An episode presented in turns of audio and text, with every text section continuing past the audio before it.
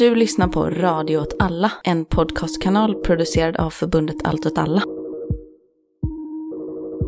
Eh, Hej allesammans och välkomna till det fjärde avsnittet av eh, Värdet av pengar som spelas in av mig, Pontus. Hej Li. Hej. Vi har gått in i en eh, ny avtalsrörelse och med vi så menar jag den fackliga rörelsen och svenskt näringsliv. Och det är ett lite speciellt läge på grund av att vi befinner oss i någon form av stagflationskris där vi har en inflation som för tillfället ligger någonstans runt 10 procent och en eh, tillväxt som beräknas vara negativ under det kommande året. Vi är alltså på väg in i en lågkonjunktur. Ja, och en ganska djup sådan vad det verkar. Och det här är ju eh, ett problem framförallt för att eh, lönerna urholkas i reala termer med 10% per år. Vilket har skapat en debatt i samhället, både i Sverige men också internationellt. Som går ut på hur eh, arbetare ska förhålla sig till det här. Det finns ju en eh, stor diskussion och en konflikt om eh, reallöner och hur höga kompensatoriska krav en fackförening kan ha i relation till en sån kris som vi befinner oss i.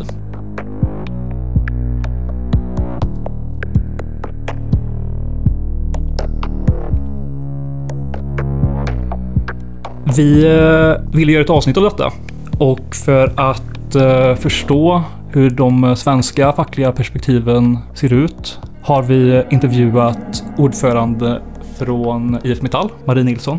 Och vi har också intervjuat ordförande från eh, Transportarbetarförbundet, Tommy Wret. Precis, och IF Metall är ju en väldigt central aktör när det kommer till den svenska avtalsrörelsen som den ser ut idag. Mm. Därför att det är de som tillsammans med de andra industrifacken sätter det så kallade märket som vi ska komma tillbaka till om en stund. Transport är också särskilt intressanta i dagsläget därför att det är det enda LO-förbund som har ställt sig utanför LOs samordning med utgångspunkt i att de tycker att de krav som LO ställer är för låga. Vi tänker lägga upp avsnittet så här att vi börjar med en liten historisk genomgång för att eh, sätta avtalsrörelsen lite i en historisk kontext. Så att man förstår varför går det till på detta sättet? Varför ser förhandlingsordningen ut som den gör? Och sen så kommer vi diskutera eh, med utgångspunkt i de här intervjuerna och klippa in segment från de löpande. Det, det innebär ju också att det här är utklippta delar av intervjuer. Vi kanske inte gör dem fullständigt rättvisa även om vi har försökt göra det. Och det innebär också att det finns ganska mycket material som inte kommer vara med i det här avsnittet men som vi kanske får anledning att återkomma till i senare avsnitt.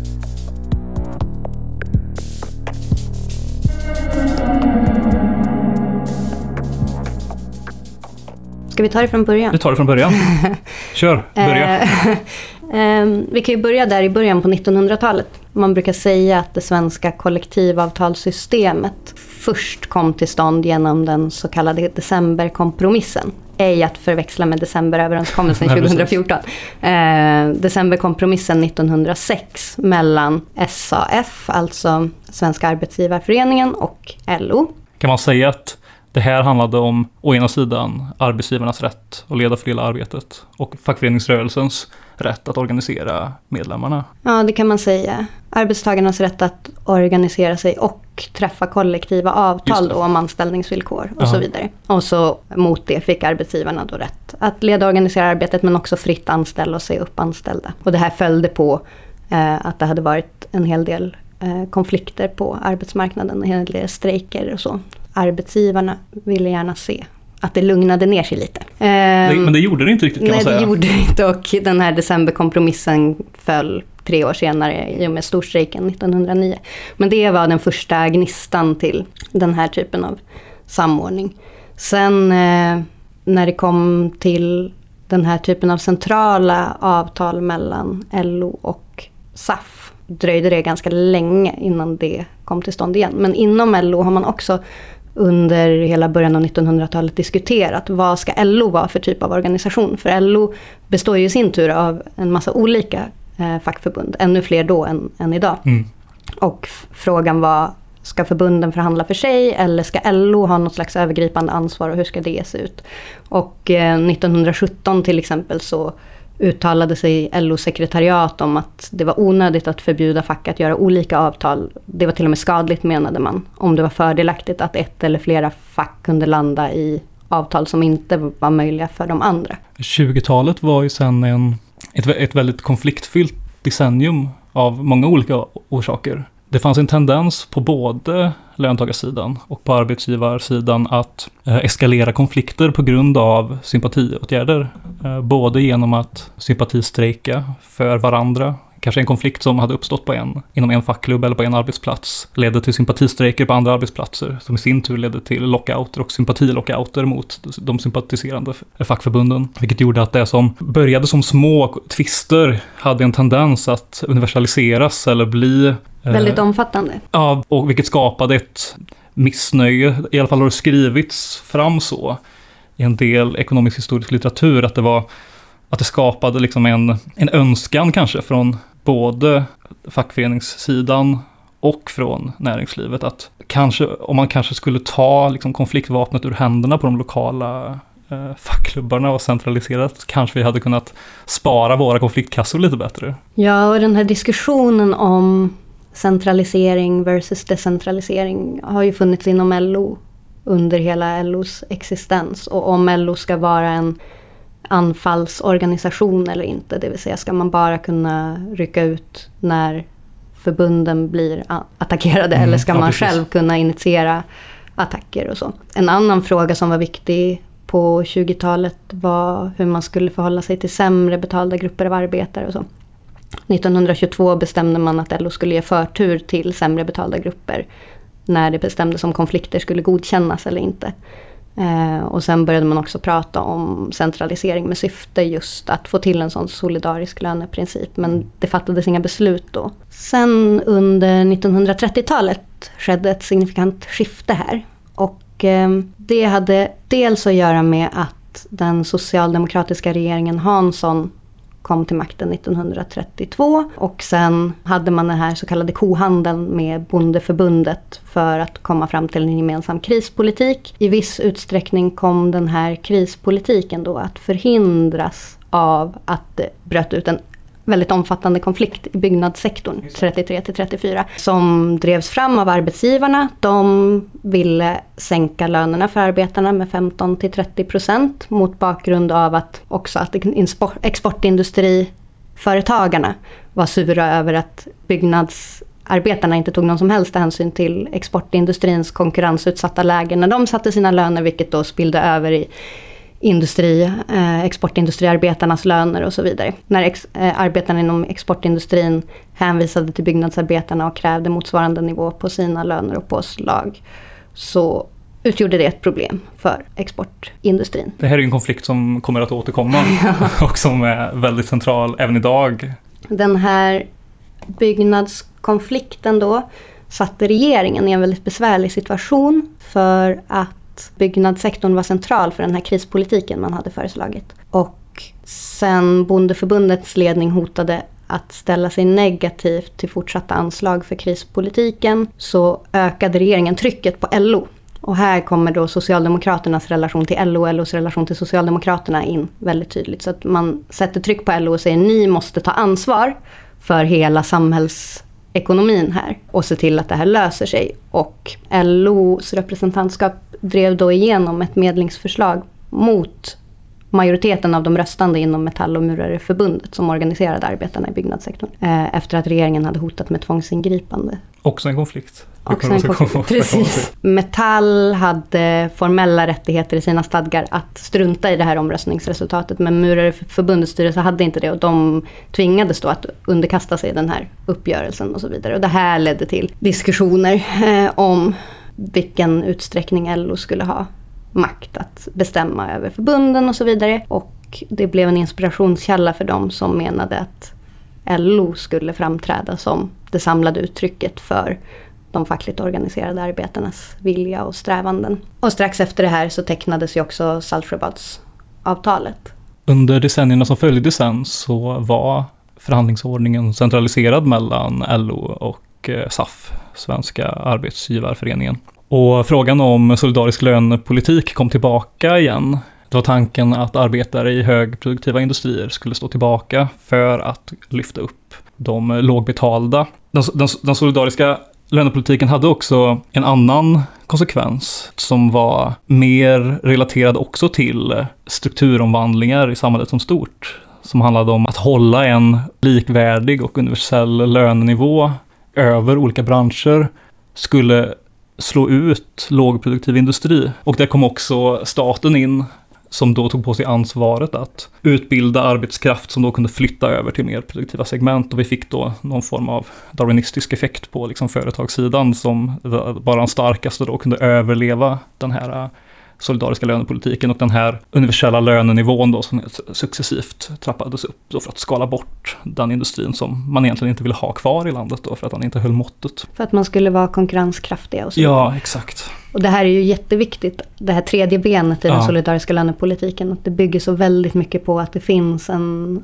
samhällsstruktur där staten går in och garanterar omställning för arbetarna. Ja, precis. Anledningen till att jag tog upp specifikt den här aspekten av den solidariska lönepolitiken är att den kommer återkomma, som vi kommer se i intervjun med framförallt Metall. Mm, det är många cliffhangers i historien ja. som eh, leder fram till idag. Men, så den här eh, centraliserade ordningen höll i sig och man kan säga att 70-talet kanske var höjdpunkten av kollektivavtalsförhandlingar i Europa. När nästan alla västeuropeiska i alla fall länder hade väldigt starka fackliga organisationer som kunde förhandla för en stor andel arbetare. Därför är det kanske inte så förvånande att det var under den här tidsperioden också man började inom ekonomisk eh, forskning teoretisera och göra empiriska studier på vad det här hade för effekter och vad det innebar. Där kan man ju säga att forskningen är väldigt präglad av ideologi. Och initialt lutade forskningen väldigt mycket åt att det här inte bara var ineffektivt utan kanske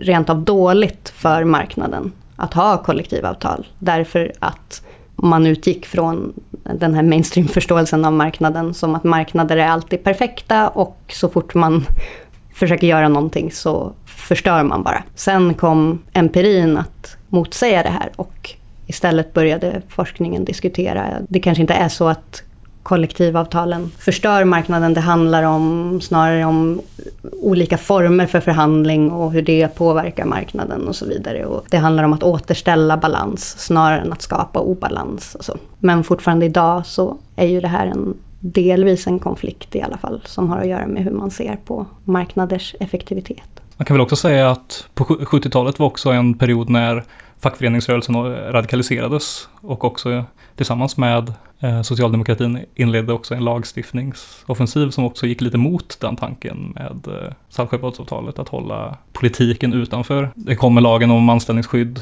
och eh, MBL introducerades också under 70-talet. Näringslivet menade ju att facket hade ju gått över gränsen ganska mycket. Det bröt samman i början av 80-talet, de här förhandlingarna. Och i samband med den ekonomiska krisen i början av 90-talet så klev eh, den svenska regeringen in för att försöka styra upp det här eh, och skapa normer för hur förhandlingarna skulle se ut. Att man skulle ta hänsyn till konkurrensutsatt industri och så vidare. Det funkade från 91 fram till 95 när det bröt samman igen. Sen är vi framme vid den. Industriavtalet. Ja, exakt. Det så kallade industriavtalet då kom till stånd efter att regeringen hade uppmanat arbetsmarknadens parter att utarbeta nya arbetsformer. Svaret på det kom i form av en debattartikel i DN den 1 juni 1996 där sex LO-förbund med Metall i spetsen tillsammans med TCO-förbundet SIF och SACO-förbundet bjöd in arbetsgivarsidan till förhandlingarna och arbetsgivarna svarade i en ny debattartikel i augusti. Och i mars 97 undertecknades då ett färdigt avtal som sen har reviderats 2011. Och det är det här industriavtalet som ligger till grund för hur avtalsrörelserna ser ut idag. Mm. Mm. Och vad kan man säga då om industriavtalet? Ja, industriavtalet förhandlas fram mellan parterna inom den exportorienterade industrin kan man säga. Och från fackens sida då så är det facken inom industrin som förhandlar som en samarbetsorganisation för eh, GS-facket, eh, IF Metall, Livsmedelsarbetarförbundet, Sveriges Ingenjörer och Unionen. På arbetsgivarsidan finns det då också en hel del företag. Almega, livsmedelsbranschens arbetsgivarförbund, Sveriges skogsindustrier, Verkstadsföreningen och så vidare. Som då tillsammans ses inför avtalsrörelsen och förhandlar fram det som vi känner som märket. Precis. I det här industriavtalet står det också specificeras vad det är de ska ta hänsyn till i sina förhandlingar. Bland annat att de ska beakta lönebildningens konsekvenser på inflation, sysselsättning och konkurrenskraft. Det måste stå i överensstämmelse med den internationella utvecklingen i våra viktigaste konkurrensländer och så. Så det är utgångspunkten för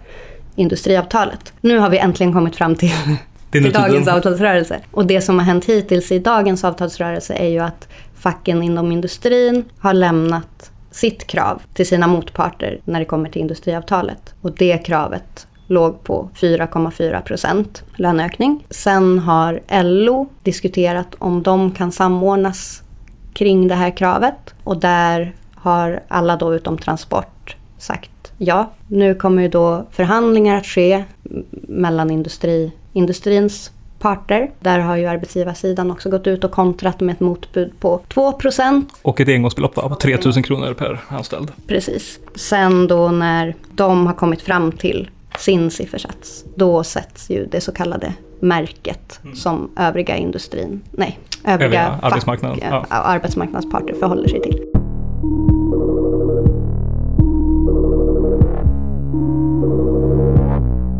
När avtalsrörelsen nu då äger rum i kontexten av en eh, inflation som för tillfället ligger omkring 10 procent. Hur motiverar Metall och industriförbunden att lägga sig på 4,4 procent och ha det som krav? Och också hur motiverar Transport att de träder ur LOs samordning och kräver någonting annat? Det är värt som kontext till det här klippet så behöver man veta att vanligtvis så landar märket någonstans runt 0,75 procent av det som har varit de initiala kraven. Vilket då skulle innebära att märket landade någonstans på 3,5 om 3,6 om det här eh, förhandlingen går som den, som den brukar göra.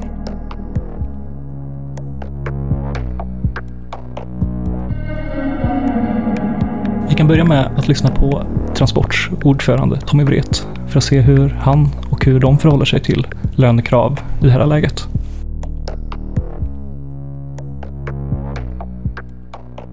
Om, om, inte facken inom industrin hade gått ut nu och sagt 4,4, vad hade ni tänkt var ett rimligt bud? Ja, alltså då är man nog på 5,5 procent. Om man nu ska följa den här traditionen. 75 procent av 5,5 då landar man på ungefär 4,4. Så mm. det, det, där är ju liksom det är en smaksak liksom. Vad, vad, säger man egentligen? Vad kräver man och avser man leverera? Och jag litar inte på att fackindustrin klarar av att leverera någonting som är över 4 procent. Så att vi kommer nog att lämna över, våra krav bygger nog på 5,5 procent 12 månader. Sen kommer vi att kräva kompensation för det här. Förra avtalsrörelsen innehöll en så kallad prolongering mm. när man sköt upp allt i sju månader. Eh, det vill nog vi ha tillbaka också. Mm. Hur har ni landat på 5,5 då? Hur går, hur går tankarna när ni sätter en, en siffersats? Alltså vi, vi man, man kan diskutera med inflationen och, och liksom, vad, är egentligen, är det rimligt att kräva full inflationskompensation? Då är man ju uppe på 8-10 procent och då blir det kanske mer av papperspengar. Det blir ju inga pengar. Och, och tradition så säger man ju både inom arbetarrörelsen och även på arbetsgivarsidan att man ska titta först på inflationen. Sen helt plötsligt ska man inte titta på inflationen. Då brukar det sägas att man ska titta på den konkurrensutsatta industrin. Och det är där vi tittar. Alltså det är ingen hemlighet vad som har levererats för avtal i Tyskland. Där man har fått eh, det första var väl kemisk industri som fick 6,5 procent på 18 månader. Sen kom det, för den tyngre industrin kom det ett avtal på 8,5 procent på två år. Mm. De här, båda de uppgörelserna innehöll ju också så kallade engångsbelopp. Eh, det första var 500 euro, det andra var 2 gånger 1500 euro. Och, och, så går tyska staten in och ser till att det där i praktiken blir skattefritt. Mm. Det, där tycker vi det är väl rimligt. Mm. Och räknar man ut det där på en årsbasis så är ju 4,4 värt ungefär det som de tyska har fått. Och vi tycker också att det är väldigt rimligt att man får tillbaka de här sju månaderna man fick vänta förra gången. För ingen annan väntar. Alltså aktieutdelningar kom ju, vd-löner höjdes, de flesta plockade ut precis som inget hade hänt. Och att bara svenska arbetare då ska ta ansvar som vanligt. Alltid först och ganska ofta ensamma. Det funkar inte tycker inte alls rätt med det. Vad tror du det beror på att svenska Metall utgår så försiktigt i eh, jämförelse med sina eh, tyska kollegor? Alltså det blir ju ren spekulation, men på något vis känns det i alla fall nästan som om att Alltså svenska industrifacken försöker vara med och höja svensk industris konkurrenskraft gentemot exempelvis Tyskland. Och det, jag kan inte förstå hur det skulle vara fackföreningens uppgift. Utan fackföreningens uppgift är ju att företräda medlemmar. Och nu behövs det rejäla löneökningar och det funkar bevisligen ute i Europa. Så att eh, hur svenska metall eller industrifacken tänker, det, det måste man nästan fråga dem. Jag tycker ja, det, det är jättekonstigt att man inte tittar på konkurrensutsätta industrin i så fall. Men eh, argumenten för eh, industriavtalet och märket eller att det är den konkurrensutsatta industrin som ska eh, prioriteras först har ju också eh, att göra med inflationsmål och arbetslöshetsfrågor och så. Det brukar vara argumenten bakom i alla fall. Hur förhåller ni er till det? Vad är fackens ansvar när det kommer till makroekonomi och Alltså för, för, det första så tycker jag det blir så väldigt fel när alltid arbetarna ska ta ansvar först. Medan resten av samhället i princip skor sig. Det, det är fortfarande aktieutdelningar, det är vd-löner som höjs och så vidare. Så det kan aldrig vara så att arbetarna alltid ska ta ansvar ensamma och först. Utan i så fall måste det vara en, en mycket större helhet som tar ansvar. Och där liksom, det funkar ju inte så. Liksom alla andra snor ju där de kan och då ska väl arbetarna också sno där de kan, enligt min uppfattning. Mm. Och, och, för det andra så, så, stämmer det ju inte längre med, med filosofin då, inflationsbekämpning och konkurrensutsatt industri. Man tar ju inte ens det som konkurrensutsatt industrin får då, tillbaka till Tyskland igen då. Så man hittar ju på eget hela tiden för att hålla igen och man, man tar, tycker jag, mer ansvar än vad man behöver. Har inflationens orsaker eller er analys av dess orsaker någon plats i en sån här avtalsförhandling? Spelar det någon roll för er Eh, när ni möter näringslivet? Hur ni kan härleda inflationens orsaker när det kommer till att driva er linje där? Det, det är klart att man... Det, det kommer ju alltid upp från, från motsidan. Å andra sidan, jag sagt jag, jag har varit med i avtalsrörelsen sedan, sedan 97 och jag tror aldrig, om man ska vara ärlig, när man kommer till motparten så, så alltid är ju det här på landet på väg åt helvete. Ändra är vi i en lågkonjunktur eller så är vi på väg in i en lågkonjunktur. Det, det, går ju aldrig bra när du träffar arbetsgivarsidan. Det kommer aldrig gå bra. Utan det är elände, mörker och katastrof. Och det spelar ingen roll om du gör ett, treårigt eller femårigt avtal. För, för, det kommer aldrig gå bra i Sverige när man pratar med dem. Och då blir ju diskussionen lite konstig. Mm. Vad ska vi ta hänsyn till? Ja, ingen har ju spåkula. Visst, vi är väl på väg in i någon form av lågkonjunktur nu. Men hur lång blir den och hur kort? Liksom så att, det är ju ganska svår diskussion det där. Utan det, det är mer att se vad, men vad klarar att klara systemet? Och jag, jag kanske också får inse att det klarar inte 10% För då blir det papperspengar.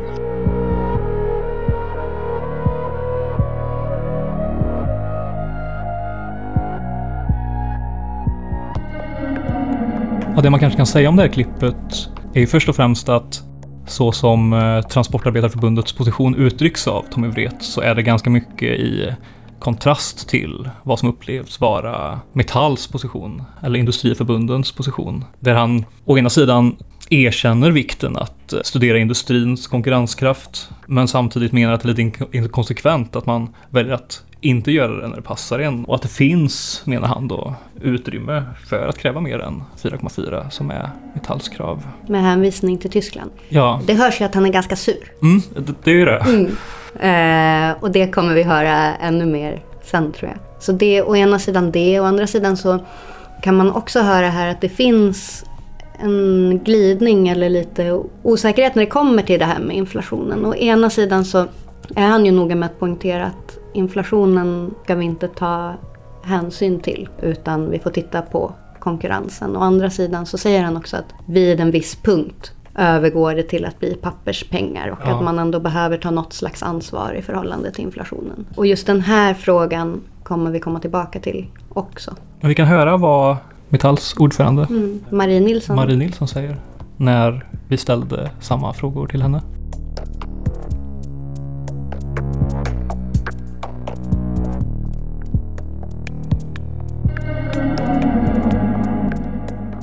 När vi kommer fram till just den här siffran 4,4 procent då, då utgår vi från att Riksbanken håller inflationen på 2% Så att vi, vi bryr oss liksom egentligen inte om var den kommer att hamna och ligger någonstans just i det ögonblicket som vi tecknar avtal. Och det har, det har liksom varit en sån där linje vi har hållit oss till eh, över tid.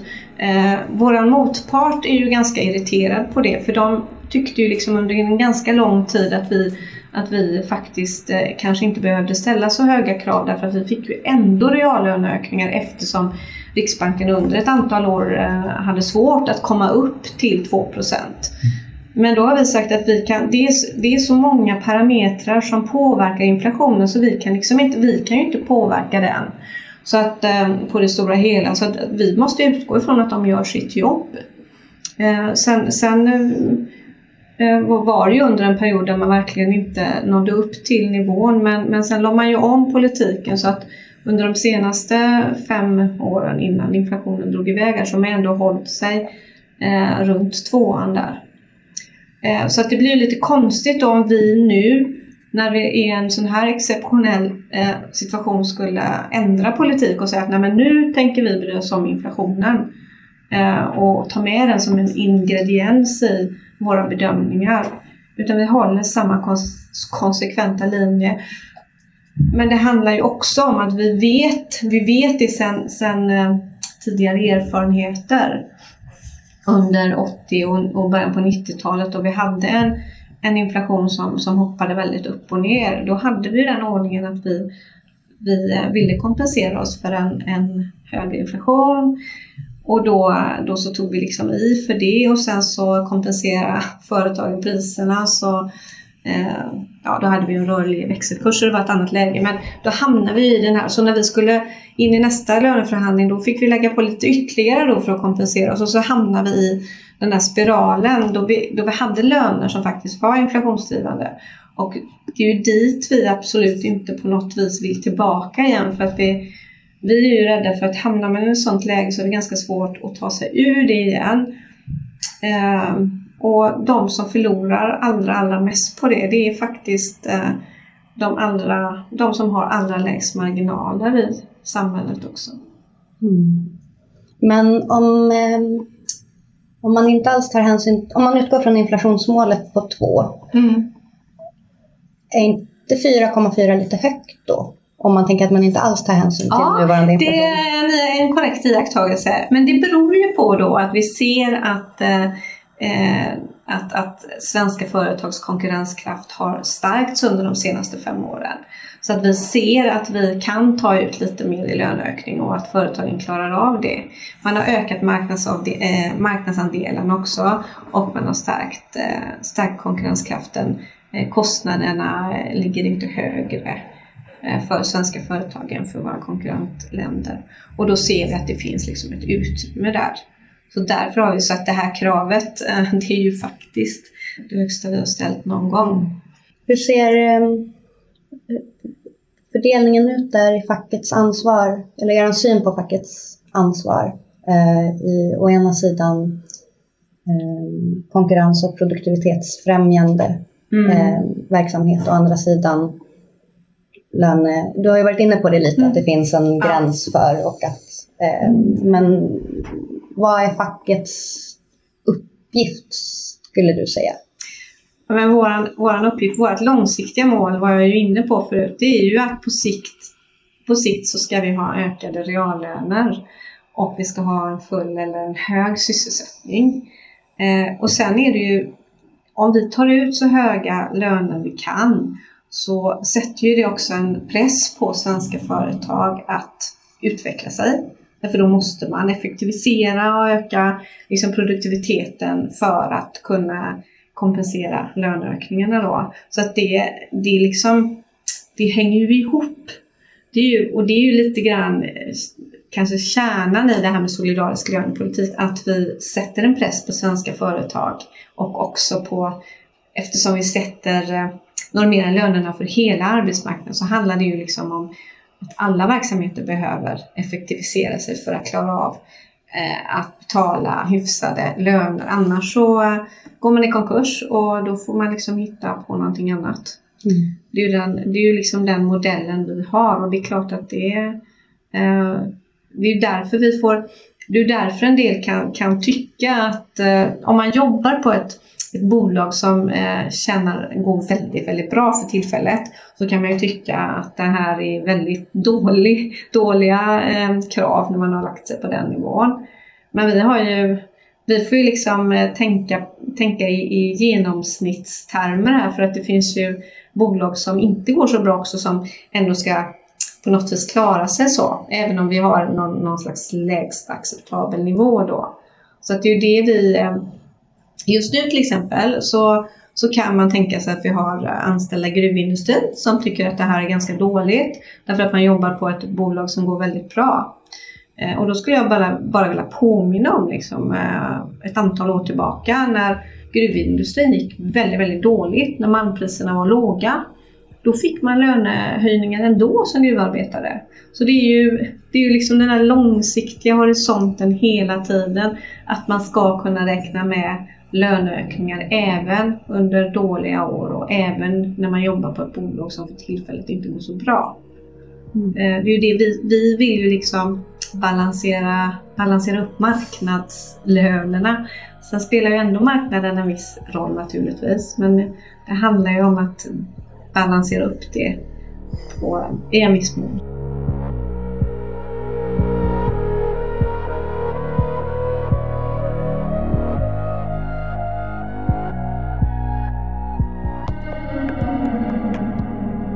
Det som förvånade mig lite med det här svaret var när Marie Nilsson hävdade att de rakt av utgår från att Riksbanken kommer att göra sitt jobb och hålla inflationen på 2% och att den inflationskrisen och medföljande levnadskostnadskris som vi lever i inte är en variabel eller en aspekt som tas hänsyn till i de kraven de ställer eller i lönebildningen överhuvudtaget från Metalls sida. Det förvånade mig. Ja, det är också intressant med tanke på att industriavtalet så tydligt skriver att man ska beakta lönebildningens konsekvenser på inflation. Det verkar ju vara väldigt öppet för tolkning då vad det innebär. Ja, jag tänker i relation till det, för mig i alla fall känns det som att den skrivelsen går i en viss riktning. Det vill säga att man tänker att lönebildningen inte ska påverka inflationen men att detta handlar om den andra riktningen, det vill säga att ha löneökningar som håller jämna steg med inflationen eller ser till att lönenivån eller köpkraften för arbetare inte urholkas. För jag tänker att man kan läsa den på två sätt. Precis. Sen kan man också fråga sig hur mycket man har tagit hänsyn till det här när vi har haft låg inflation och behövt få upp den. Ja, exakt.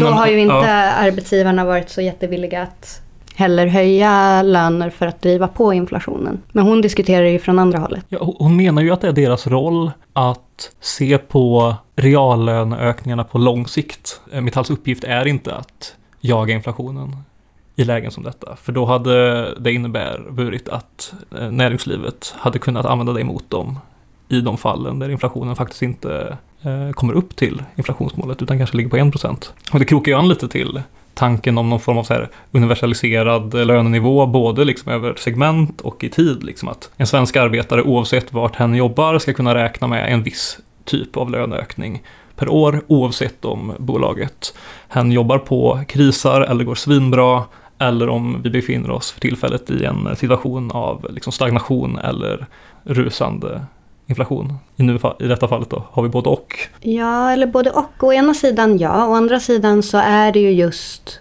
eh, näringslivets produktionsnivåer, vinster och så vidare som ska vara vägledande mm. i hur man sätter sina krav. Så då kan man ju kanske säga att ja, i fråga om enskilda branscher är det så. Det spelar ingen roll om det är kris eller går bra. Men näringslivet i stort, det är det som är den springande punkten. Mm. Hur det går för näringslivet. Och deras argument är det har gått bra ja. på sistone. Det finns ett ökat löneutrymme här.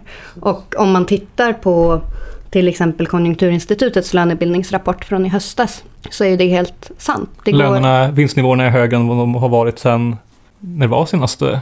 Ja, alltså dels kan man säga att det som kallas för förädlingsvärdepriset som är hur försäljningspriserna ökar eh, i förhållande till priserna på insatsvaror, alltså mm. alltså det som behövs för att tillverka saker som råvaror till exempel. Det har i genomsnitt ökat med 1,4 procent per år sedan 93 och från och med förra året så har det skenat och är uppe i 6,3 procent. Det är ju ett mått på att det går, det finns vinster att plocka Och det kommer ju inflationen också in bakvägen, för det här är ju också inflations... eh, Det här är ju vinster som har att göra med inflationen. Liksom. Ja, precis. Och å andra sidan så kan man också se då att eh, vinstandelen, alltså den andel av det här som tillfaller eh, kapitalägarna, också har ökat markant. Konjunkturinstitutet skriver att det andra kvartalet i år, alltså 2022, hamnade vinstandelen i näringslivet på en nivå som ligger högt över det historiska genomsnittet. Och då ska man också tänka på att trenden sedan åtminstone 80-talet har varit att vinstandelarna ökar på bekostnad av löneandelarna. Och sen kan man också se att Konjunkturinstitutets eh, mått på deras lönsamhetsomdöme i princip alla branscher, förutom några, typ eh, läkemedelsindustrin och hotell och restaurangbranschen och så, ligger över eller och ibland en bra bit över det historiska medelvärdet andra kvartalet 2022. Så att för de allra flesta branscher i Sverige så har det gått väldigt bra på sistone. Och det är det Marie Nilsson hänvisar till också när hon säger att det finns ett utrymme här. Sen kan man ju diskutera hur stort det utrymmet är och man kan också diskutera om det utrymmet i teorin kanske är ännu större ifall det skulle vara så att näringslivet stod tillbaka lite med sina vinstutdelningar och sina lönekrav. Och det är väl egentligen det som är skärningspunkten här mellan de här två personerna. Om man, om man lyssnar på retoriken på Tommy Wret så han lägger ju väldigt mycket vikt vid att det är för jävligt att arbetarna ska ta ansvar och ta ansvar först för inflationen. Och han pratar ganska mycket som om det vore kompensatorisk löneökning som står på spel här. Att, som om Transportarbetarförbundet tänker på att ha en löneökning som så mycket som möjligt kompenserar för reallönesänkningen för deras arbetare. Men han förhåller sig också på ett ganska snarlikt sätt till industrins vinster på det sättet som eh, Marie Nilsson gör. Men de verkar inte vara överens om hur mycket det finns att ta ut här. Precis. Tommy Wret säger ju också att de skulle vara nöjda med 4,4 men rent förhandlingstaktiskt Ja, tänker exakt. de att det är bättre att lägga sig på drygt 5. Därför att man kan räkna med ett bortfall i förhandlingarna. Och vi försökte ju också fråga Marie Nilsson lite om det. Är det 4,4 som är den rimliga nivån? Mhm. Eller är det 3,5 som är den rimliga nivån? Och då säger ni 4,4 för att ni tänker att då landar vi på 3,5. Mm. Och om det är 4,4 som är den rimliga nivån, borde ni inte då lägga er högre för att liksom landa på 4,4? Ja, Det är svårt att få något väldigt bra svar på den frågan och det kvarstår ju en känsla av att det är väldigt mycket godtycke som ligger bakom eh, vart de här kraven har handlat. och det är klart, det är också det är jättekomplext att Ja. försöka räkna ut vad det finns för löneutrymme i ekonomin. Mm. Nu och framåt, om man tänker sig att det är ett årigt avtal under det kommande året, när vi går in i en lågkonjunktur. Eh, Konjunkturinstitutet skriver det finns mycket buffert i näringslivet. Mm. Men då ska man förhålla sig till vad som ska göras med den bufferten Ja, också. visst. Men det, men det som man kanske ska ta med sig också är att oavsett vad de här lönerna hamnar på, oavsett vad kraven är, oavsett vad de ham- hamnar på, så har inte devalveringen av lönerna varit anledningen till att just detta har krävts. Åtminstone är det så man argumenterar. Ja. Jag har ändå personligen lite svårt att tänka mig att facken inom industrin landar på 4,4 som är så historiskt högt. Bara har att göra med att det har gått historiskt bra för näringslivet. För det har det väl gjort tidigare också. Det här ska man inte säga för att det här är ju, vill inte sabba deras förhandlings... Nej, det är, det, är svårt att, precis, det är svårt att veta den berättelsen som vi får höra. Mm. Hur, hur mycket har den att göra med de faktiska liksom, motiveringarna till varför de här kraven är på den nivån som de är. För det är klart att det finns ett enormt tryck från medlemmarna också. Ja. Å ena sidan så tänker jag att det medlemmarna vill höra är väl å ena sidan att eh, facken kämpar för att försvara deras löner mot inflationen. Det vill ju medlemmarna höra. Å andra sidan så kräver ju förhandlingsordningen på ett sätt att det här inte är det som kraven baseras på utan indu- industrins å ena sidan eh, vinstmarginaler och å andra sidan internationella konkurrenskraft. Och det är oklart vilken berättelse vi har fått höra här. Har vi fått Mm. höra berättelsen som riktar sig mot deras medlemmar eller har vi fått höra berättelsen som riktas mot någon form av offentlig diskurs och därmed liksom relationen med motparten i förhandlingsrummet? Ja. Eh, Det, är ju, det kan man ju spekulera om. Men Kan fundera på om motparten lyssnar på våran podd. kanske inte. Kanske inte. det känns jag hoppas det är shoutout till... Shoutout till Wallenberg.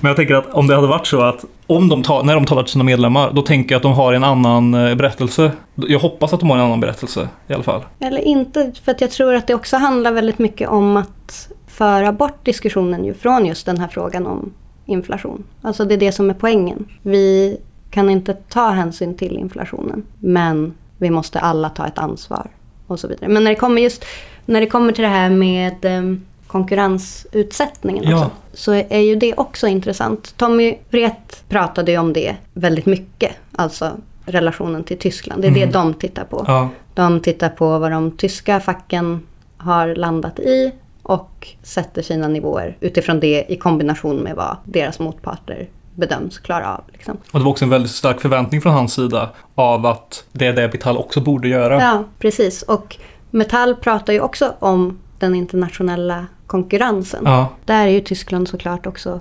viktigt. Och i debatten brukar Metall ofta hänvisa till att den tyska strukturen är annorlunda då. Dels därför att man förhandlar regionalt, dels därför att den tyska industrin inte sätter märket för tjänstesektorn på samma sätt som man gör i Sverige. Och dels därför att man förhandlar i första hand om lägsta lönerna efter ett tariffsystem.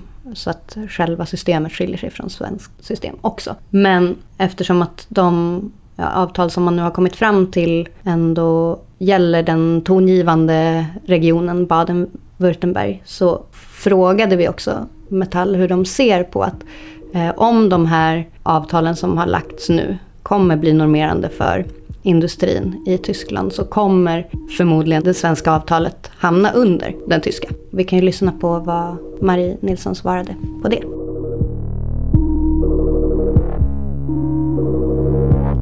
Jo, men det är ju så. Under perioder så, så hamnar vi under och under perioder hamnar vi över. Det går ju liksom upp och ner. Våran, våran, våran målsättning är ju att vi inte liksom ska... Vi kan ju inte, vi kan ju inte utskilja oss för mycket. Eh, i alltså vi kan inte ta ut löneökningar som är väldigt mycket högre än eh, våra främsta konkurrentländer utan att vi har har, har en motsvarande produktivitetsvinst så att säga. Ja, man kan ju se det på, på sätt och vis eh, kan man väl hoppas då att svensk industri blir ännu konkurrenskraftigare för att man har lite lägre kostnader. Eh, men det är klart att vi ska ta ut så mycket som möjligt som det bara går. Tyskarna har gjort ett bra avtal den här gången, eh, det kan man redan nu säga. Men hur liksom bra det blir, det återstår helt enkelt att se. En sak jag tänker på här är att det återigen är så att det går lite om, åt ena hållet. Precis som vi pratade om med um, inflationstanken. relationen till hur det stod formulerat i industriavtalet menar du? Precis, och här tänker jag att när man pratar om förhållningssättet till konkurrens Mm. och till Europanormen så handlar det väldigt mycket om att svenska löner inte får hamna för högt. Ja, precis. Snarare än det handlar om att utgå från Europanormen och försöka matcha Ja, den med svenska löner. Det är väl där vi egentligen har skillnaden mellan transport Mm. och metall. Att om man skalar bort retoriken om att arbetare inte ska ta ansvar för inflationen och så vidare och så vidare. Så till syvende och sist så tar båda hänsyn till vad industri klarar av. Och då menar man då att våran exportindustri måste överleva i konkurrensen mot Tyskland. Men man verkar ha väldigt olika, eller i alla fall någorlunda olika inställning till hur högt det spannet ligger. Liksom. Vad finns det att kräva? Vad är möjligheten att kräva för lönenivå innan man hamnar i en position där den svenska exportindustrin då blir, hamnar i ett dåligt konkurrensläge i relation till Tyskland? Ja, och vi kan ju lyssna på Tommy Wretz take på det här med Tyskland och metall också. Vad tror du det beror på att svenska Metall utgår så försiktigt i eh, jämförelse med sina eh, tyska kollegor? Alltså det blir ju ren spekulation, men- men på något vis känns det i alla fall nästan som om att Alltså svenska industrifacken försöker vara med och höja svensk industris konkurrenskraft gentemot exempelvis Tyskland. Och det, jag kan inte förstå hur det skulle vara fackföreningens uppgift, utan fackföreningens uppgift är ju att företräda medlemmar. Och nu behövs det rejäla löneökningar och det funkar bevisligen ute i Europa. Så att eh, hur svenska metall eller industrifacken tänker, det, det måste man nästan fråga dem. Jag tycker ja, det, det är jättekonstigt att man inte tittar på konkurrensutsätta industrin i så fall.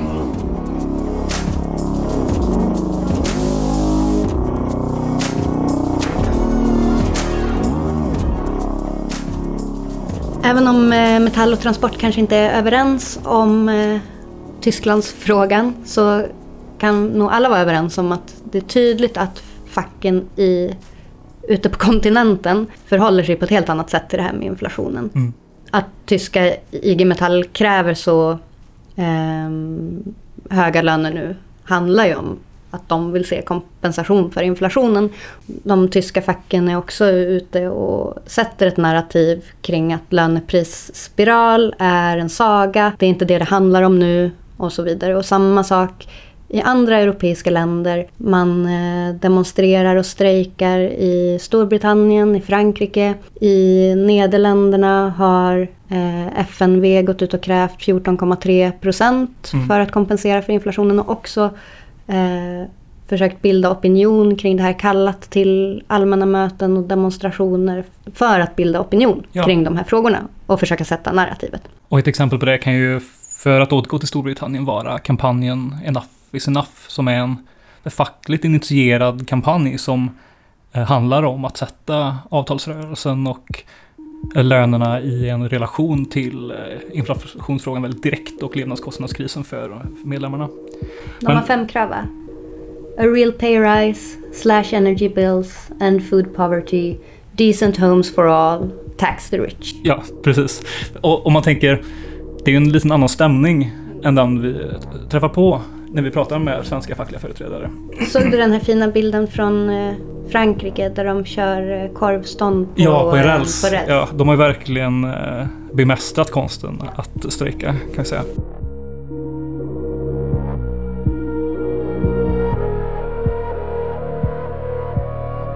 Nästa fråga handlar om hur fackföreningarna ställer sig till att vara den aktören som ska axla hela bördan av inflationsproblematiken. Hur de ser på trade-offen mellan att vara en aktör som representerar sina medlemmar å ena sidan och att vara någon form av kraft som ska absorbera hela ansvaret för att rädda samhällets makroekonomi. Börja med att lyssna på hur Marie Nilsson förhåller sig till den här frågan. Ja, men vi, vi säger ju så här, det handlar, inte, det handlar inte bara om att vi ska ta ett ansvar, utan vi gör ju det här av ren självbevarelsedrift egentligen. Därför att vi vet att det är eh, många av LOs medlemmar som råkar allra värst ut om vi hamnar i en... Om vi får, nu, har vi, nu har vi ingen eh, lönedriven inflationsspiral, eller infl, inflationen överhuvudtaget är inte lönedriven utan det är andra faktorer eh, som orsakar den, precis som du nämner. Eh, men vi ska inte hamna i det läget. Och, och det, det skulle vi kunna göra om vi nu ställde krav som kompenserar inflationen. Då skulle vi behöva ligga uppåt en 10 i krav. Då är risken att vi skulle kunna få löneökningar som spär på inflationen.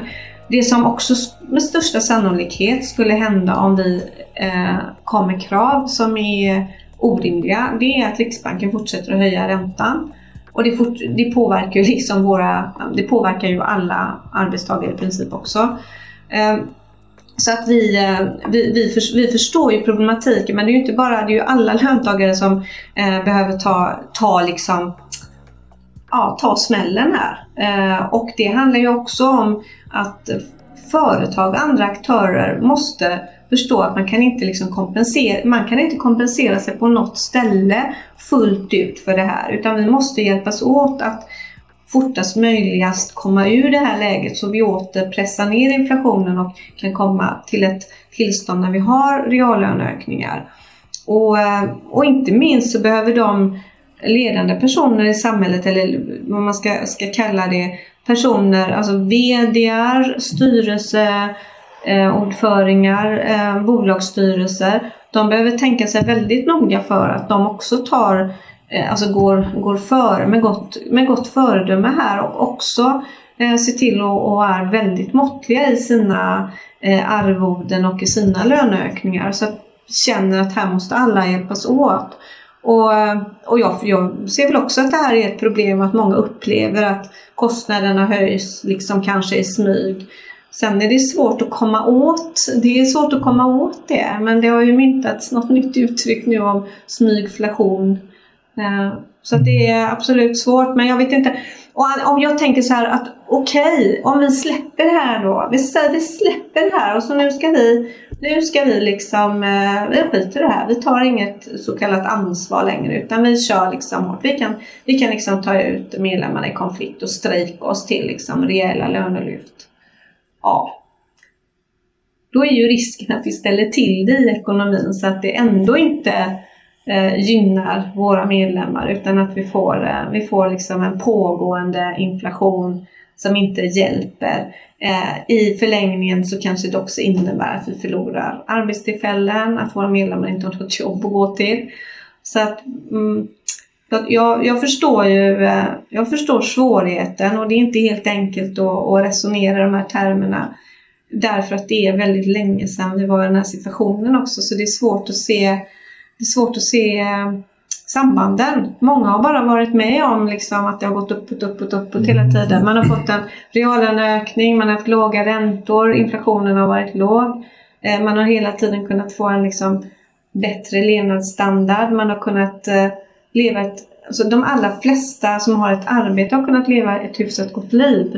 Eh, sen är jag medveten om att det, det finns naturligtvis människor som ändå har det, det tufft och lever på marginalen. Och de människorna skulle ju i, med en ihållande inflation råka ännu värre ut. Jag tänker, det, ja, förlåt. Eh, det som du sa tidigare, mm. att det, det krävs ett gemensamt ansvar. Ja. Även styrelserummen ja. på de stora bolagen måste veta att de inte kan få åt sig hur som ja. helst bara för att eh, Sveriges växelkurs eh, är gynnsam och bla bla bla. Mm. Liksom. Men vilket incitament har de andra samhällsaktörerna att tänka så när de, när all deras erfarenhet visar på att, att fackföreningen absorberar det ansvaret. Alltså att, kan det inte vara så att det som, tanken som du leker med, att om vi skulle bara mm. släppa spärrarna eh, och kämpa er till kompensatoriska löneökningar. Visst, det, det, jag förstår såklart mm. ett argument. Mm. Men hade det inte varit, behöver man inte någon gång visa att om det kan inte automatiskt vara för fackföreningsrörelsen som varje gång ska ta det här ansvaret. För att om inte vi gör det, då kanske inte vi gör det heller och då, och då händer det här. Behövs det inte någon gång statueras någon typ av exempel liksom, för att inte bördan alltid ska hamna på den ena, egna rörelsen eller den egna organisationen? Att bära upp samhällsansvaret ja. som helhet liksom, på sina axlar i sådana situationer. Ja det, ja, det är möjligt. Absolut. Men det, alltså, det, är, det är ja, väldigt, väldigt svårt avgörande. För det är väldigt, väldigt, alltså det här med med att för, för oss är, för, för, oss att, att konflikta, att, kom, att hamna i en sån situation då vi behöver göra det, då måste vi verkligen vara i ett läge där vi ser att, att, att eh, det här kommer att ge, alltså det är värt att verkligen konflikta för. Eh, det, det, måste vara någonting som, som medlemmen ända där ute känner ett engagemang för. Då, då kan det liksom inte handla om någon tionde hit eller dit. Då måste det vara en principiellt viktig fråga. Eh, så att vi är ju inte främmande för att använda konfliktvapnet när det väl behövs. Och det är ju inte så, vi använder ju eh, Ibland liksom sägs det lite sådär eh, lite besviket att vi, vi, äh, men vi använder det och det kommer, vi använder det inte och det kommer aldrig hända. Och så, då glömmer man bort att vi använder konfliktvapnet hela tiden, året om egentligen, när vi ska teckna nya avtal på, på företag som inte har kollektivavtal. Då använder vi hela tiden det hotet. Vi har avtalsområden också där vi har fått varsla till konflikt för att överhuvudtaget teckna avtal med en låglönesatsning till exempel. Men det, det, det blir liksom aldrig någon särskilt stor media om det för det, det liksom seglar under, uh, under uppmärksamheten på något vis. Men vi får ju använda den, den kraftmätningen får vi ganska ofta använda men att det kommer liksom till ett sånt där stort uttryck så, så stora delar av svensk arbetsmarknad är ute i konflikt. Det tror jag är ganska ganska långt borta. Vi, det här, vi tar oss inte ur den, den här situationen nu. På, jag tror inte att vi kan ta oss ur det på det sättet nu. Sen förstår jag liksom det här, jag förstår snacket om att man någon gång eh, behöver liksom visa musklerna och sådär om man, om man känner att det ja, att man inte gör det.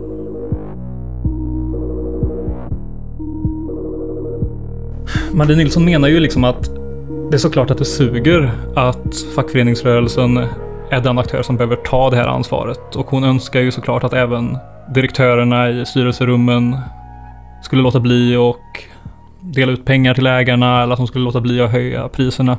Men det stannar ju vid en vädjan liksom att nu tar de inte det här ansvaret.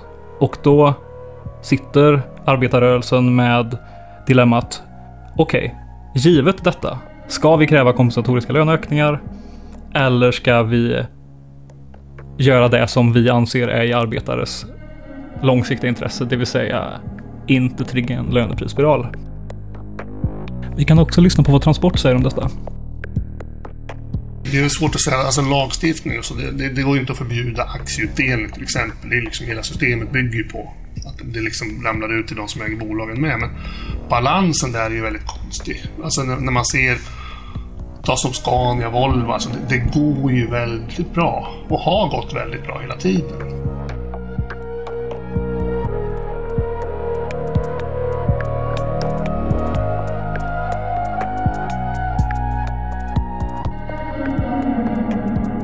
Det är lite symptomatiskt att å ena sidan, som Tommy Wret sa tidigare i ett klipp vi spelat upp, att i lik likhet mot alla andra aktörer så borde också en fackförenings uppgift vara att roffa åt sig när alla andra roffar åt sig. På en direkt fråga så verkar han inte kunna förhålla sig liksom. Han verkar inte se det som en, ett realistiskt alternativ att det ska vara på något annat sätt än just det här. Han menar till, till och med att det inte ens går att lagstifta om förbud, förbud mot utdelningar. Men det har vi ju, så, här, så har det ju varit i relativ närtid även under covid-pandemin så var det förbjudet att göra utdelningar om man skulle ta del av pandemistödet exempelvis. Och så sent som denna veckan så har diskussionen varit uppe i relation till Moderaternas finansmarknadsminister som kanske eller kanske inte var positivt ställd till att förbjuda utdelning i banksektorn då, vilket gjorde att SEBs aktier exempelvis störtdök. Så det finns ju liksom, om, om detta är en utopi liksom, från ett fackligt perspektiv så känns det som att vi har så himla få redskap att arbeta med det är någonting med att bara acceptera den premissen rakt av. Det är såklart att inte företag kommer göra detta frivilligt. Och det är såklart att inte Hemköp kommer låta bli att höja priset på varorna om de kommer undan med det. För det är ju det som är premissen för ja. en löneprisspiral. Lönerna höjs, företagen ser att deras vinstmarginal minskar om de behöver betala högre löner. Därför kommer de lägga över det här på sina priser. Men det skulle ju också vara fullt möjligt i teorin ja. såklart att de istället tar den summan från sina vinster. Ja, och det verkar som att den enda aktören som frivilligt går med på att göra avkall från sina egna intressen på det här sättet är just arbetarrörelsen eller fackföreningarna. Det är som att det inte är ett alternativ, det är bara en naturlag som är given för oss alla. Att företagen, de gör inte så här liksom. Kan inte jag få läsa en artikel från Byggnadsträarbetaren på 1940-talet? Jättegärna.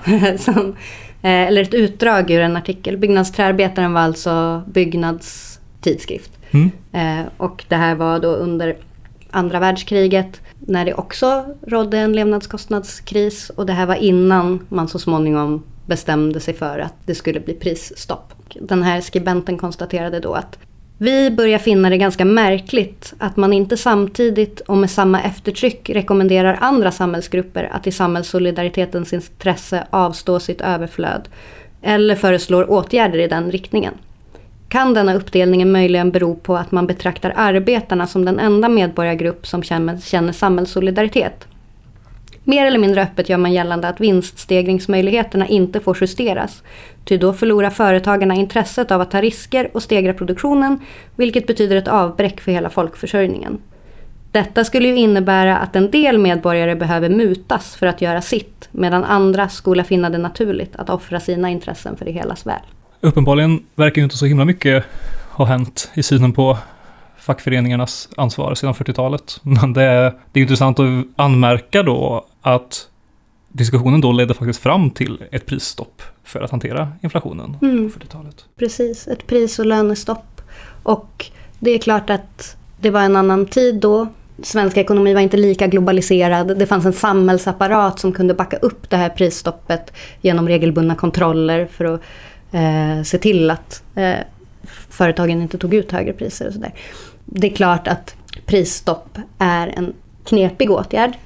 Men de utvärderingar som har gjorts av den möjligheten, därför att den möjligheten finns fortfarande inskriven i lagstiftningen. Det är likadant nu som då. Staten skulle teoretiskt sett kunna göra det och de utvärderingar som har gjorts menar ju också att det kan vara befogat framförallt att göra det i vissa specifika branscher om det behövs. Ja. Där skulle ju till exempel elbranschen kunna vara ett sånt exempel. Efter, precis eftersom så som det ser ut idag så är ju elen mer eller mindre uteslutande den enda inflationsdrivande aspekten i ekonomin. Tidigare var det lite andra saker, det var komponentbrist och olika saker, mm. men så som läget ser ut nu så är det i princip elen som uteslutande håller alla priser uppe och driver i princip alla priser på sättet som det får genomslag genom sättet vi producerar mat och så vidare.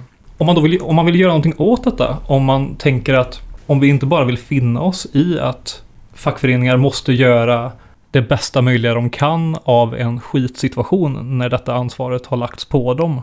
Då kommer vi in på frågan hur kan en fackförening faktiskt arbeta för att förändra synen på vem som bär ansvaret för sådana här saker i samhället. Mm. Och då knyter vi an lite till så som andra fackföreningsrörelser runt om i Europa har förhållit sig till den här rörelsen, det vill säga att inte se den som en isolerad händelse, specifikt begränsad till ett förhandlingsrum, avskilt från resten av samhället, utan också göra politiska kampanjer kring det fackliga arbetet, att mobilisera en allmän opinion bakom sina krav och också försöka få till stånd någon form av diskursiv förändring genom liksom, den makten som man har på arbetsmarknaden och i samhället. Så det var vi också nyfikna på förstås, hur Transport och Metall ställer sig till den här frågan om utåtriktat opinionsarbete. Man kan väl säga så om man jämför med Europa, så för det första är organisationsgraden oftast betydligt lägre. Alltså man, man, har ju inte riktigt styrkan att göra konflikter som vi gör. Utan där, där är det ju mer det här liksom pang på och strejka och sen kanske man har, jag vet inte, Frankrike 10-20 procents organisationsgrad. Och vad det ger att åka tippa ett lass med hästskit utanför ett stadshus egentligen, jag vet inte riktigt. Ibland undrar man ju liksom, vad är just det där när man börjar och hur fan tänkte de att det skulle sluta då? Mm. Det, det där är ju väldigt annorlunda om man tittar Norden mot övriga Europa, hur man lägger upp konflikter. Men, men det är klart, ofta syns det ju hörs när de gör saker. Jag tänker Så. om man tänker att eh, en viktig faktor i er argumentation är att eh, näringslivet och staten också borde ta större ansvar. Mm. Så kanske det handlar om att lägga opinionsmässig press på dem på något sätt mm. också. Eller jag gissar att det också är så facken i de andra länderna resonerar lite grann. Men... Jo, men det, det, det är klart. Bästa exempel som kommer upp i huvudet för mig det är ungefär det här med, med skattefria engångsbelopp i Tyskland. I Sverige brukar vi ju säga att vi inte är så mycket för engångsbelopp. För det blir lite som att pinka ner sig. Du får det en gång och så skattar du av det och sen är det liksom... Det är bättre med löneökningar som följer med hela tiden. Men, men just, i, just i sådana här fall där man försöker lägga över då Staten får fan se till att det här blir skattefritt. Mm. För då blir det ju på sätt och vis billigare. För du behöver inte, med, alltså du behöver inte ha sociala avgifter. Du behöver inte ha alla grejerna med. Då, utan se till att det händer saker. Och där är väl... Jag gillar inte heller engångsbelopp i normala fall. Men jag tycker inte det är normalt nu.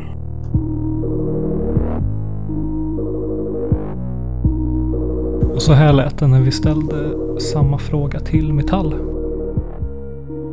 Man får ju inte glömma att att, att, att man agerar annorlunda i eh, andra länder det beror ju också oftast på att man kommer liksom inte till förhandlingsbordet. Vi sitter ju liksom redan vid förhandlingsbordet och det är där vi liksom bryter arm. Eh, sen, är det, sen hjälper det ju oss att komma till uppgörelser, att vi har liksom medlemmarna i ryggen och vi har en stark kassa och en hög organisationsgrad och så.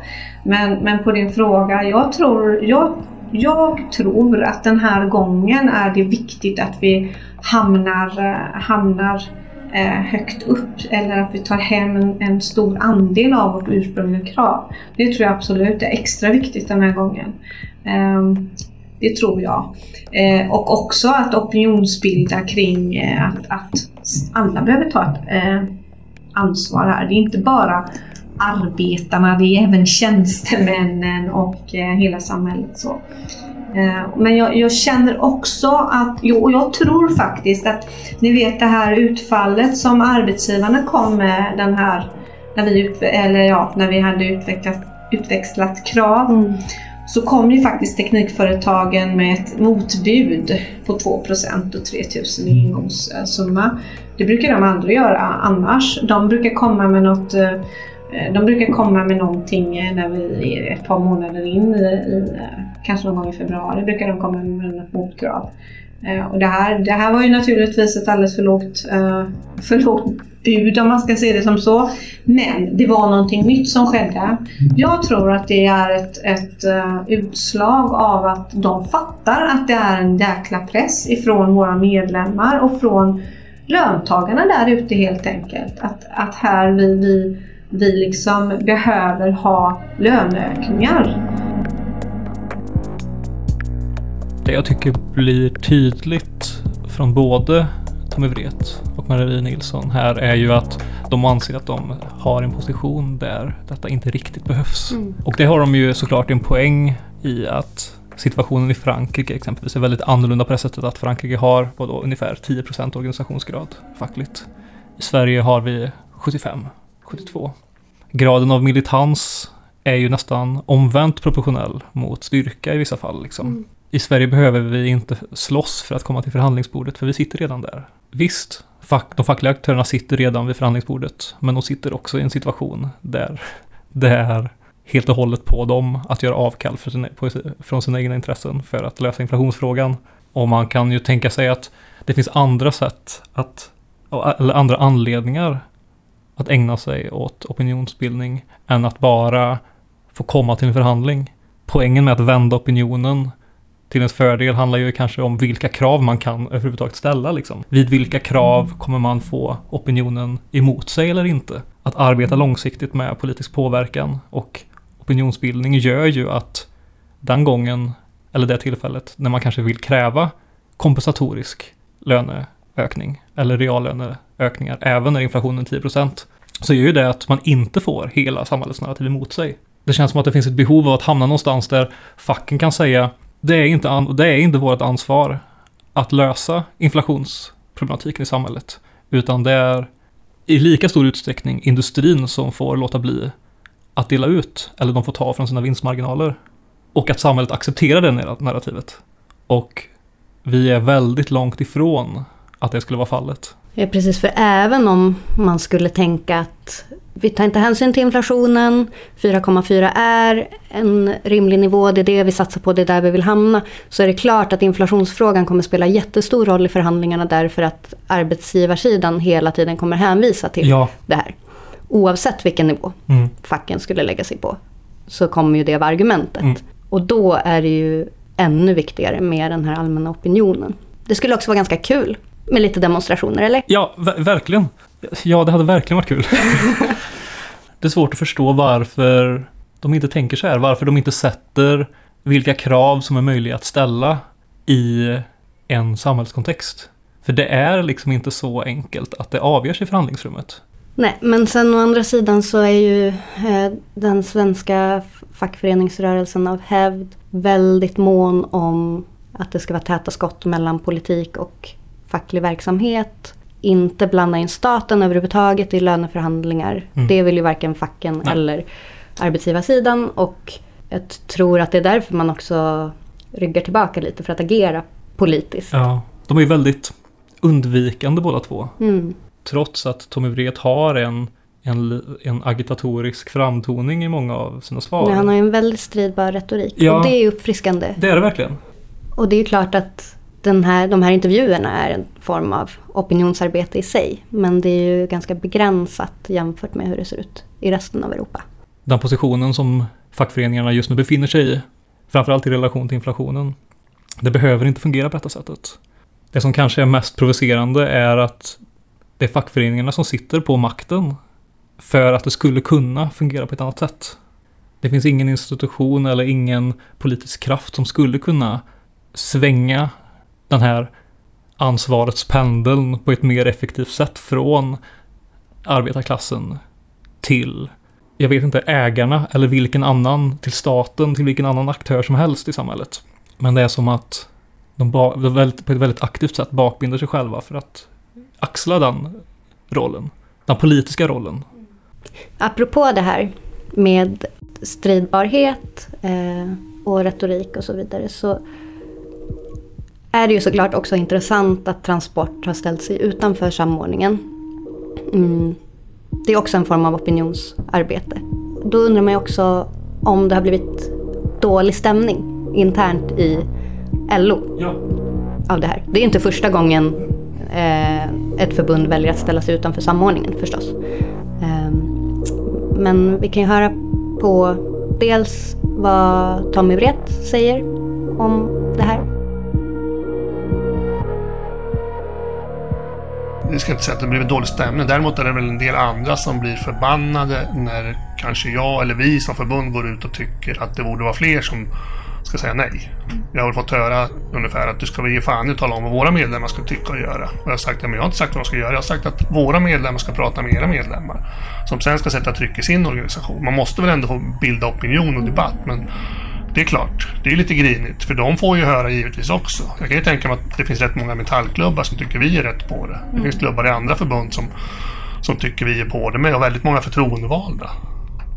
För det är ju egentligen då samordning testas. När man ska acceptera det normerande avtalet. Och ja, jag vet inte. Skulle man, kommer man släpande med 3,3 eller 3,4 så, så, det är ju 1% under vad man krävde. Liksom. Det är leverans på 75%. Det är ju ganska kass leverans också. Och då vill man ju tro att om inte förr så då så borde det finnas en del starka LO-förbund som tycker det här är inte bra nog.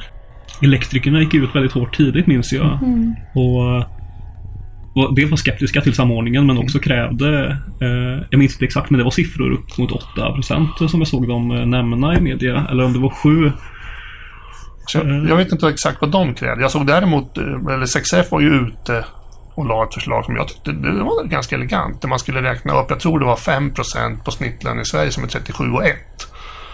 Det är ju en riktig låglönesatsning för då skulle alla få runt 1800 kronor. Just det. Den debattartikeln hade man ju ute ja, sen höst, tidig vinter. Men först var de ute med det och sen nästa som händer är att man ställer sig bakom en LO-samordning. Alltså, det blir, ibland blir det lite svårt grepp på vad liksom, fan tänkte ni nu då? Och framförallt hur fan tänker ni i slutet på februari eller början på mars?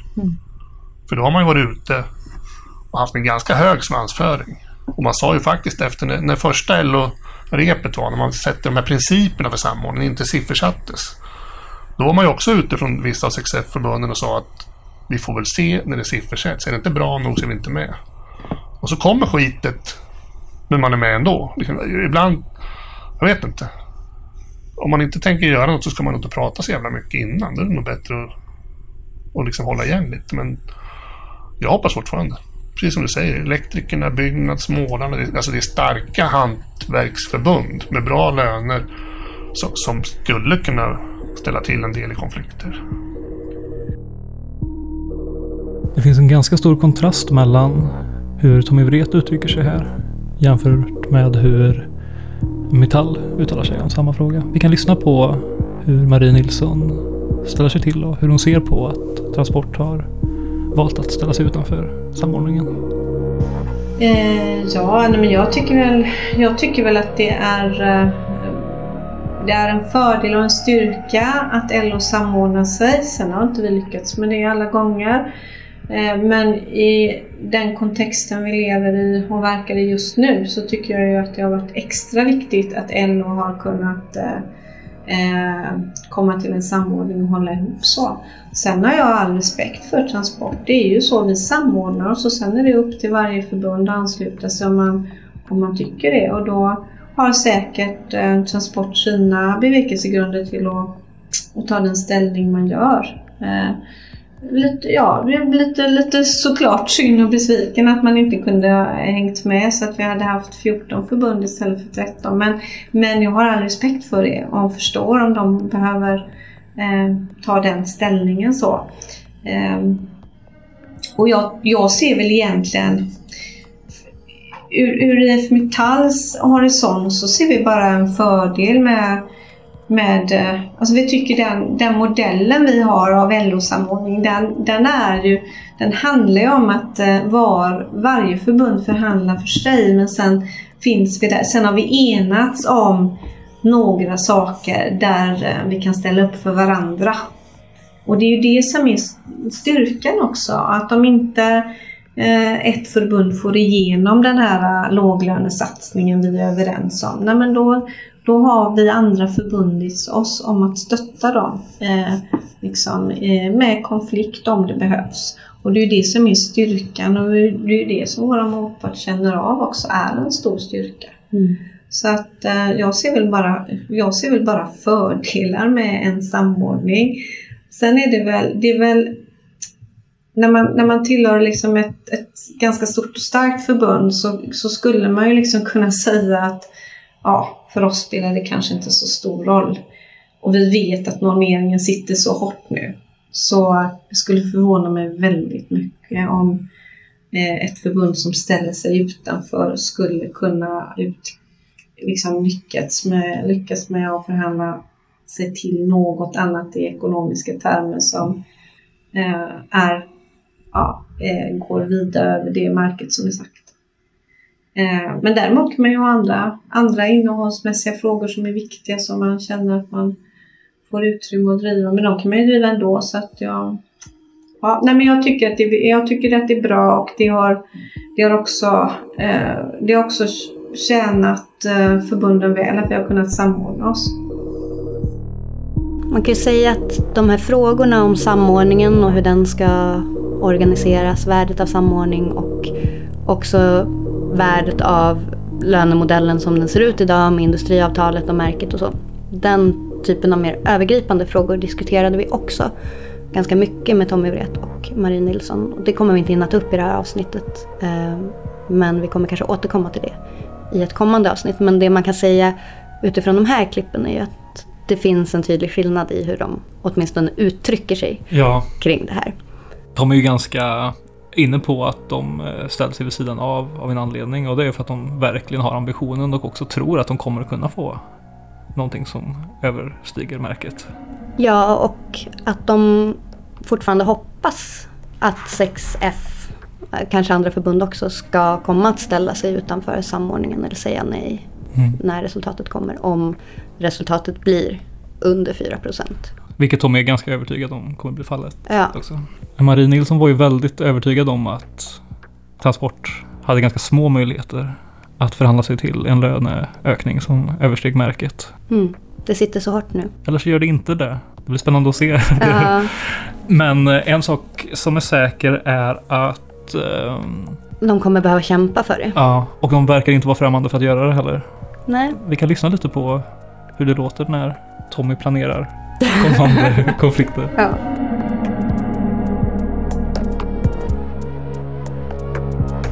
Vi har, vi har väldigt bra yrkesgrupper för att trassla till det. Eh, det är också, vi gynnas ju av att det jobbas väldigt mycket övertid och det är brist på personal. Alltså, vi kommer ganska långt och lägga anställningsstopp och lägga övertidsblockader och, och sen kan man också lägga ner i Arlanda som exempel och ute där. de här som flytta planen. Det, det, det, är tre, det är 25 personer som kör runt alla plan. Det är ungefär lika många som tankar plan. Så att det är klart, skulle du vilja jävlas ute på Arlanda så kan du ju börja med att stänga säkerhetskontrollerna någon timme. För där har vi väktarna. Så att det inte kommer in någon till planen. Men när det väl kommer in folk då kan du ju ge fan i att tanka planen i en timme. Och sen kan du ge fan i att lasta planen i en timme. Så att du kan göra väldigt mycket punktstrejker. Och rätt som det är så är ju allting ur fas. Mm. Då kommer inte planen iväg, det tar slut på flygtid, så att alla plan är till slut på fel ställe. Det. Och det är lite samma i hamnarna. Alltså kommer det in en... en ta Maerskbåten som går på Göteborg med 18 000 container kommer på slinga som sen ska, ska lägga på rätt mycket av de containrarna på feederbåtar som ska ut i hamnar i Sverige eller nere i Europa. Alltså blir någonting en, två, tre, fyra timmar sent. Alltså du behöver inte lägga en strejk och lägga ner arbetet totalt. Du kan ju punktstrejka och se till att du inte blir lockoutad. Och då börjar det ju svida lite här och var, för då kommer inte grejer till industrin, varken till eller från. Och då börjar det ta slut på delar och så kommer allt i fas och så måste man stänga ner mer och mer och mer. Så att det är klart, möjlighet att jävlas finns det ju. Men man ska ju veta någonstans varför man börjar och hur i så fall framförallt när fan slutar man? Ja, alltså när är man framme liksom? När är det bra nog? Så att, alltså konfliktvapnet, det, det är ju... Det gäller att hantera det liksom. Så vi håller ju på för fullt att inventera var, lite som att berätta på Arlanda då. Alltså hur, var och vilka. Och i vilken kombination ska man ta grupper? Så att det liksom... Bara, bara sätt grejer ur systemet Så det börjar hacka lite. Det räcker. Då kan man gå tillbaka och börja jobba igen. Det är ungefär som en övertidsblockad. Vi vet att det jobbas massor med övertid. Om man tar bort övertiden då så börjar det bli ont och så anställningsstopp och stopp på inhyrning och stopp på att ändra schemer. Så, så blir det ju det blir ju problem jävligt fort om man gör det rätt. Så att jag skulle tro att våran motpart är lite bekymrad med.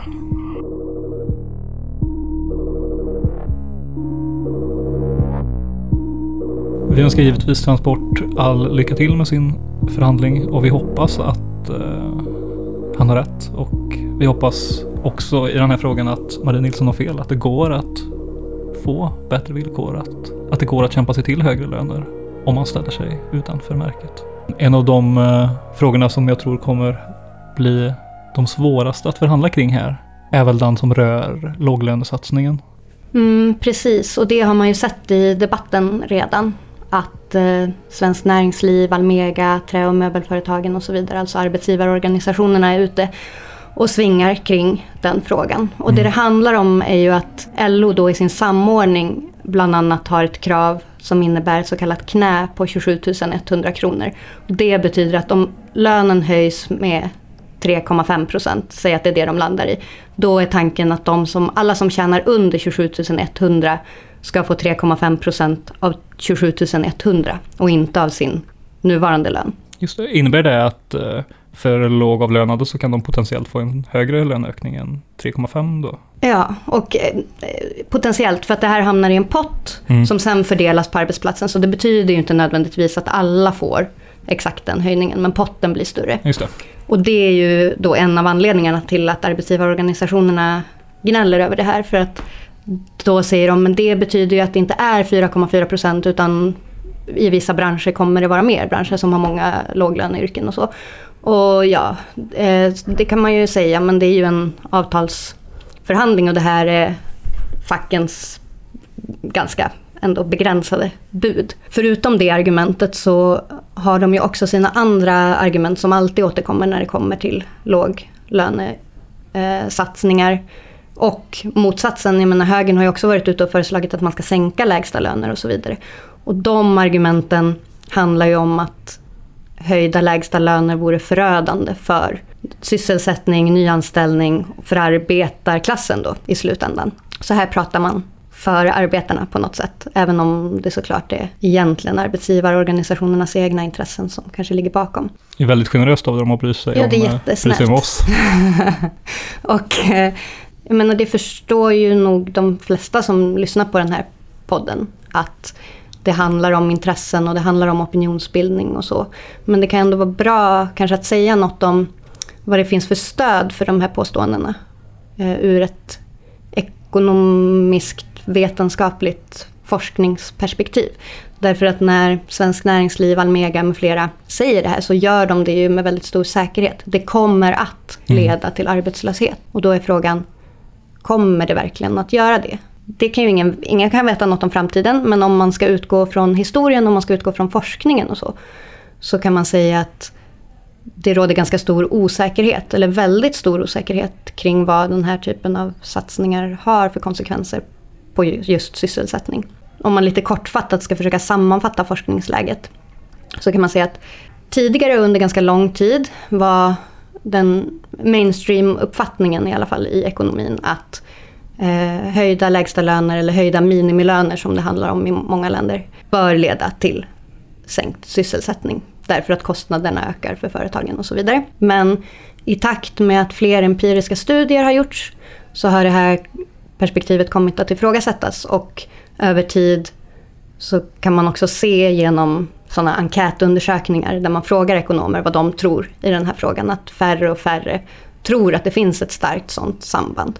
Det kan man också säga att Nobelpriset 2021 som tilldelades bland annat David Card handlade om det här. Alltså han fick Nobelpriset specifikt för att han genom sina empiriska analyser tillsammans med Alan Kruger eh, hade visat att höjningar av minimilöner inte alls nödvändigtvis leder till färre jobb eller ökad arbetslöshet. Och anledningen till att han fick Nobelpriset var att det är så tydligt omkullkastade de här tidigare hypoteserna. Så.